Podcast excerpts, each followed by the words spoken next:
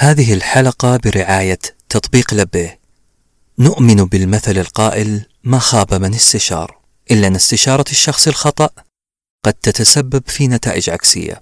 لذلك أحط نفسك بأكثر من 60 مستشار أسري ونفسي معتمدين بأقل التكاليف وبخصوصية تامة من خلال تطبيق لبيه تطبيق معتمد من وزارة الصحة. بإمكانكم تحميل التطبيق على أجهزة الآيفون والأندرويد من الرابط في وصف الحلقة. ما نبحث عنه؟ نجده في القصص. يا مكان حقل من زهور القصص القصيرة. دمعة أربعيني. بقلم من أهل سندي إلقاء ريان بن عبد الرحمن.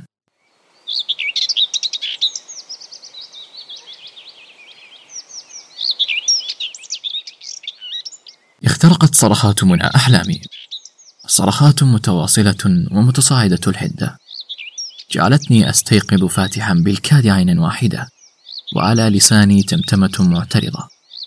هي ألم نتفق يا منى أن اليوم إجازة؟ آها الآن فهمت. لابد أنها صرخات استنفار لأن اليوم عيد ميلادي.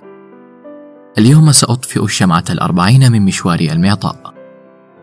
إلا أن صرخاتها المبهمة غير الواضحة بدأت تتضح شيئا فشيئا كانت تقول العاملة يجب أن تأخذها إلى المطار الآن حدث خطأ ما في نظام مكتب الخدمات ويجب أن تأخذها الآن الآن الآن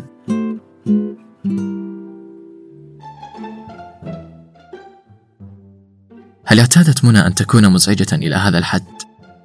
أم أن الأمر حصري على اليوم؟ دعوني أستوعب. اليوم هو يوم إجازتي. هو يوم مباراة الملاكمة الذي أنتظره. والأهم أنه يوم ميلادي. فهل هي مفارقة أن يصادف كل ذلك وجود خطأ في نظام مكتب الخدمات؟ أم هي خطة مدبرة من زوجتي وأبنائي لإبعادي عن المنزل قليلا؟ كل شيء جائز. أطلقت بصري على الطريق المتوجه إلى المطار. طريق خال من السيارات. رمال صفراء تطفو على جانبي الطريق وصقور برية حائمة هنا وهناك. تنتظر أن تغرز مخالبها بشراسة في فريسة ما. وبنفس الشراسة يحاول النعاس أن يغرز مخالبه على فريسته السهلة. أنا. حاولت أن أستعيد نشاطي فاختلست النظر في المرآة إلى العاملة المتحمسة للقاء عائلتها بعد عامين من العمل. لا بأس.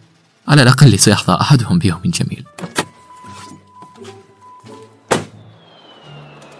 وصلنا المطار. إذا به مكتظ جدا. عربات كثيرة أوزان غير منضبطة حقائب رديئة وملابس متناثرة ومحاولات مستميتة لملء الحقيبة بالوزن المطلوب. أحس أني وسط هذا الجمع كالغريب. كلهم لديهم وجهة سيصلونها قريبا. لكن ماذا عني أنا؟ لم لا أستطيع أن أجد وجهتي الخاصة؟ لم لا يسمح لي بالوصول إليها؟ جميعهم مشغولون في حقائبهم وتذاكرهم إلا أنني أحس بنظراتهم الشامتة بي كلنا سنصل إلى ما نريد إلا أنت هذا ما قالته نظراتهم متى تطير العاملة وترتاح وأرتاح نظرت إلى الساعة الثانية ظهرا لا بأس ما يزال يومي في أوله. لم يفسد يوم عيد ميلادي الأربعين. في طريق العودة للمنزل كان هواء تكييف السيارة وكوب اللاتيه قد أعاد سيطرتي على أعصابي. بدأت أحلل ما حصل لأفهم. وفي لحظة تجلي صرخت. وجدتها. لابد أن زوجتي تعمدت تقديم موعد رحلة الخادمة لتصادف يوم عيد ميلادي. لقد تعمدت إخراجي من المنزل ليستعدوا للاحتفال بعيد ميلاد أهم شخص في حياتهم. أنا طبعا. كنت أحدث نفسي وأرتجف اللاتيه بحماس مبالغ قائلا يا للحركة المكشوفة؟ سأحظى بساعة جميلة مع عائلتي المحبة. وينتهي الاحتفال مبكرا ثم أتفرغ لمباراة الملاكمة يا له من سيناريو عالمي. بعكس كل من أعرف أنا شغوف بمشاهدة الملاكمة. هي النشاط الوحيد الذي يتعالى خلال مشاهدتها صوتي لكني حتى على صوتي لا أخلو من الحسد. كم كانت وما تزال تربكني نظرات زملاء العمل صيحات استهجانهم ونبرات استغرابهم من كوني مشجعا للملاكمة. يقولون إنه من الأجدر بي أن أشاهد برنامج صحتك اليوم. وأن أهتم بصلاتي وعائلتي أكثر. أن أحرص على تغذيتي. وأن أتبع حمية تناسب أربعينيتي أن أنزع من وجباتي جلدة الدجاج المشبعة بالدهون. وأن أنزع من روتيني مشاهدة مباريات الملاكمة في وزن الديك. كل ذلك لأني سأطفئ شمعتي الأربعين. ماذا يعرف هؤلاء المتطفلون عن جاذبيتي وحكمة الرجل الأربعيني؟ نظرت إلى وجهي في المرآة. فرأيت ذلك الشخص الباهت والعبوس يقول بنبرة توبيخ متى تعقل؟ متى تتصرف بناء على عمرك الحقيقي؟ مباشرة وبدون تردد صرخت على ذلك الصوت أنت كالباقين لا تحكم إلا على الظاهر ولأثبت لذلك العبوس على المرآة بأنه مخطئ أخرجت مشطي ورتبت شعيرات لحيتي المتناثرة استعدادا لصورة مفاجئة يلتقطها لي أفراد عائلتي حال دخولي المنزل استخدمت أظافري المرتبكة كملقاط لانتزاع شعرات بيضاء تحاول إغواء صديقاتها السوداوات بخبث على ارتداء البياض. وضعت شيئا من العطر قبل دخولي المنزل استعدادا لاحتضان منى والأولاد. بأقصى ما أملك من قدرات تمثيلية اصطنعت البراءة جهزت جملتي المتفاجئة من الموقف غير المتوقع حفلة. آه لما هذه الكلفة؟ أنا لا أحتاج حفلة. أنتم حفلتي. فتحت الباب وألقيت نظرة خاطفة على الصالة. على وجهي نصف ابتسامة. ثم أصبحت تدريجيا ربع ابتسامة.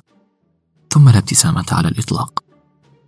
فقد كانت المفاجأة أو بالأصح اللا مفاجأة.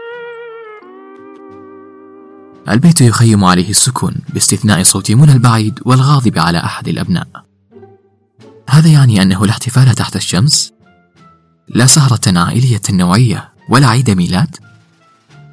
لملمت أذيال الخيبة بمهارة فقد تعودت على ذلك وقلت لا بأس المباراة ما زالت قائمة وهذا كاف لأن أحتفل مع نفسي مشاهدة رياضتي لوحدي تعودت أن أسهر مع نفسي.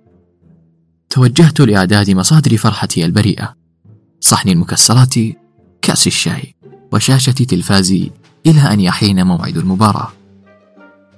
جهزت كوب الشاي وسحبت صحن المكسرات خلسة من المطبخ واتجهت لغرفة الجلوس استعدادا مبكرا للسهرة.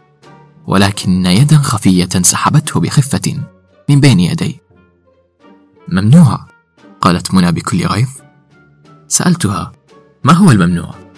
فردت ممنوع الأكل العباثي في غرفة الجلوس ممنوع استعمال أي صحن أو كأس زجاجي.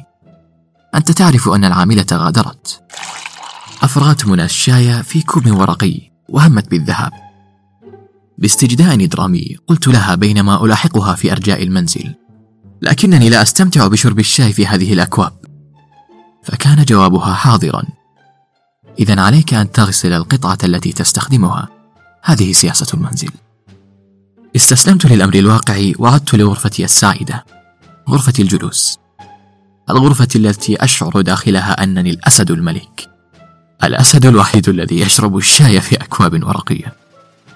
تدخل علي ابنتي الحبيبة وتقول لي بابا ماذا بشأن القطة؟ أي قطة يا ابنتي؟ القطة التي وعدتني بشرائها.